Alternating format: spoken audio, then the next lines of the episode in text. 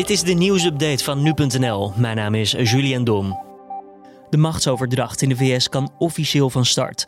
Joe Biden heeft een brief gekregen van de overheidsinstantie GSA. Die is geaccordeerd door de huidige president Donald Trump.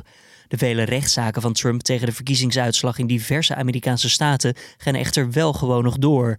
Het akkoord van de GSA is van groot praktisch belang voor Biden.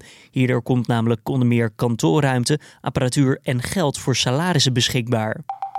Niet alleen het afsteken, maar ook het vervoeren van vuurwerk is komende jaarwisseling verboden. Dat betekent dat mensen ook geen vuurwerk bij zich mogen dragen op straat, omdat lopen een vorm van vervoeren is, al dus minister Vert Grapperhaus.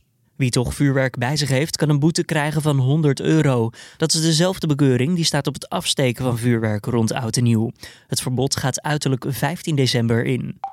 De Rotterdamse danseres, zangeres, actrice en comedienne Corrie van Gorp is zondag 22 november op 78-jarige leeftijd in haar slaap overleden.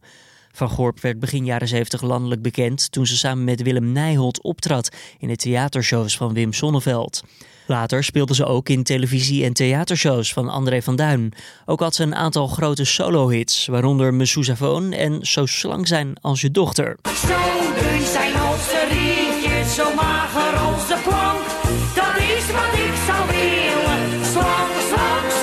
Dat was even een stukje van Zo slank zijn als je dochter van de Rotterdamse Corrie van Gorp. Ze is dus 78 jaar geworden.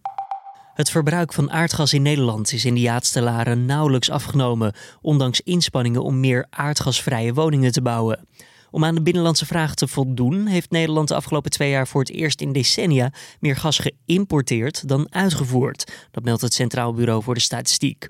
De winning van aardgas ligt nu op ongeveer 60% van het niveau in 2013 en wordt de komende jaren nog verder gereduceerd. Voor de schatkist betekende dit dat de aardgasbaten zijn afgenomen van 15,4 miljard euro in 2013 naar 1,1 miljard euro vorig jaar.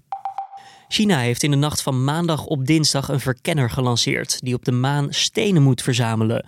Na de landing op de maan zal het apparaat twee weken lang graven naar gesteente. Half december moet de verkenner vervolgens terugkeren op aarde met 2 kilo aan maanmateriaal. De Europese ruimtevaartorganisatie, de ESA, ondersteunt China bij de missie. En dit was dan weer de nieuwsupdate.